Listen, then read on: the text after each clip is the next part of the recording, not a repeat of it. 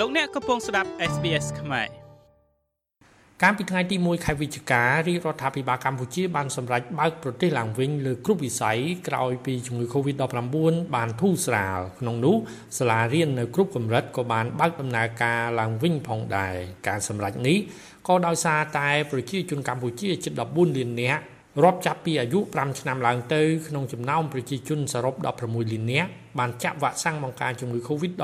រួចរាល់ហើយ។ កាលពីថ្ងៃទី2ខែវិច្ឆិកាលោកនាយរដ្ឋមន្ត្រីហ៊ុនសែនបានណែនាំឲ្យឪពុកម្ដាយកុមារកុមារីនិងគ្រូបង្រៀនត្រូវតែថតចម្លងបានចាក់វ៉ាក់សាំងបង្ការជំងឺ Covid-19 សម្រាប់កុមារយកទៅប្រើប្រាស់នៅពេលទៅសាលារៀនជាជាងការប្រើប្រាស់បានដើមព្រោះលោកបារម្ភខ្លាចថាវាអាចខូចខាតឬក៏បាត់បង់ជាដើមថាសូមឲ្យប្រើប្រាស់នៅច្បាប់ថតចម្លងពីបាននេះ ដើម្បីឲ្យចៅចៅក្មួយក្មួយជាសិស្សនិស្សិតរក្សាបានដើមជាបានល្អ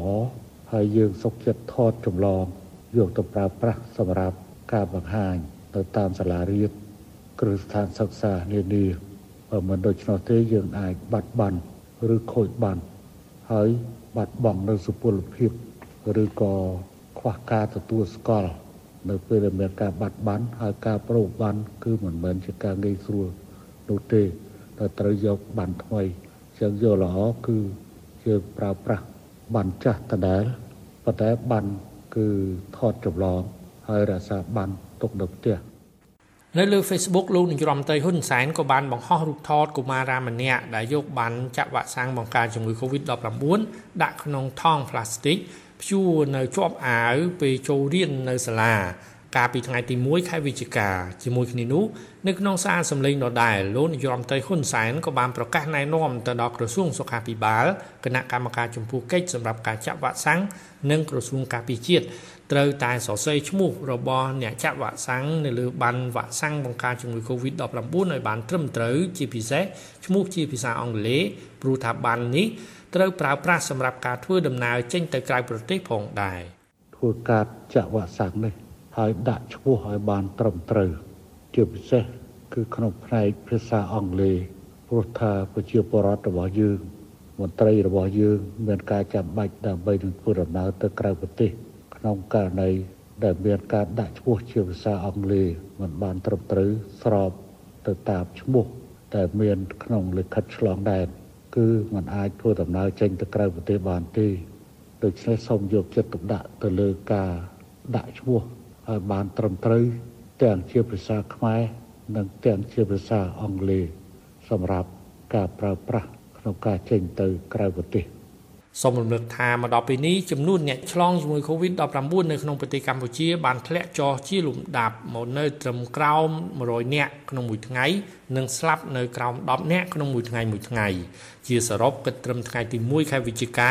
នៅទូទាំងប្រទេសកម្ពុជាមានអ្នកឆ្លង COVID-19 សរុបចំនួន118,702នាក់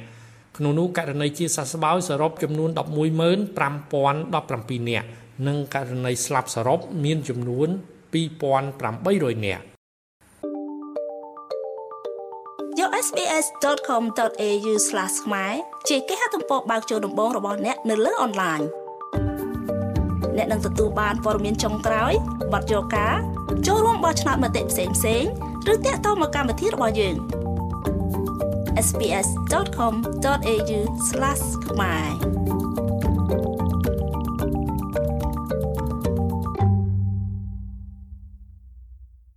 ចំណែកសេចក្តីរាយការណ៍មួយទៀតនិយម2សេវាដឹកជញ្ជូនសាធារណៈរថយន្តក្រុងនិងកាណូតបើកដំណើរការឡើងវិញ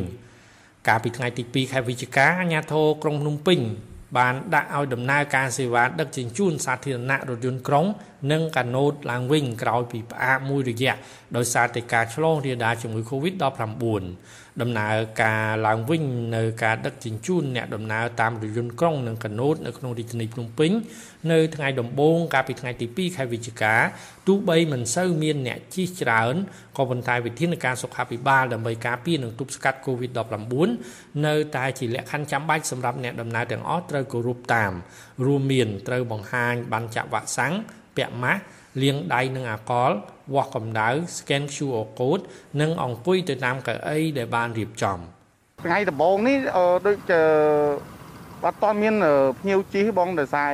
យើងរត់ថ្ងៃដំបូងភ្ញៀវខ្លះគាត់នៅខ្លាចរឿងកូវីដអីចឹងបងមួយទៀតក៏អត់តបានទទួលដំណឹងដែរក្នុងឡានមានធានការកៅអីដែលគេដាក់ខ្វែងគឺគេហាមឲ្យយើងអង្គុយអញ្ចឹងក្នុងកៅអីពីរគេឲ្យអង្គុយបានតែមួយទេបងបាញ់អកលបានយើងបើកទ្វារក្រោយឲ្យគាត់ចូលតាមអង្គុយតាមលេខរៀងកៅអីដែលមានខ្វែងស្រាប់អត់ឲ្យអង្គុយចិត្តនេះកៅអីពីរអញ្ចឹងបានអង្គុយតែបានតែមួយទេអាយ៉ាងនេះសម្រាប់តែបុគ្គលិក ខាងបើកឡានគឺភ្ញៀវអង្គុយខាងក្រោយនេះទាំងអស់បាទអត់មានឲ្យតាក់ទន់ទៅមុខទេរថយន្តក្រុងនិងកាណូតដែលដំណើរការឡើងវិញនៅពេលនេះអនុញ្ញាតឲ្យសាធារណជនជិះមិនបង់ប្រាក់នោះឡើយក្នុងរយៈពេល6ថ្ងៃគឺចាប់ពីថ្ងៃទី2ដល់ថ្ងៃទី7ខែវិច្ឆិកា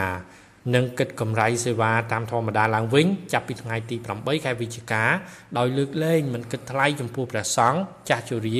កុមារកម្ពស់ក្រោម1ម៉ែត្រ សិស្សនិស្សិតកម្មករកម្មការិនីកីឡាករកីឡាការិនីនិងគ្រូបង្រៀន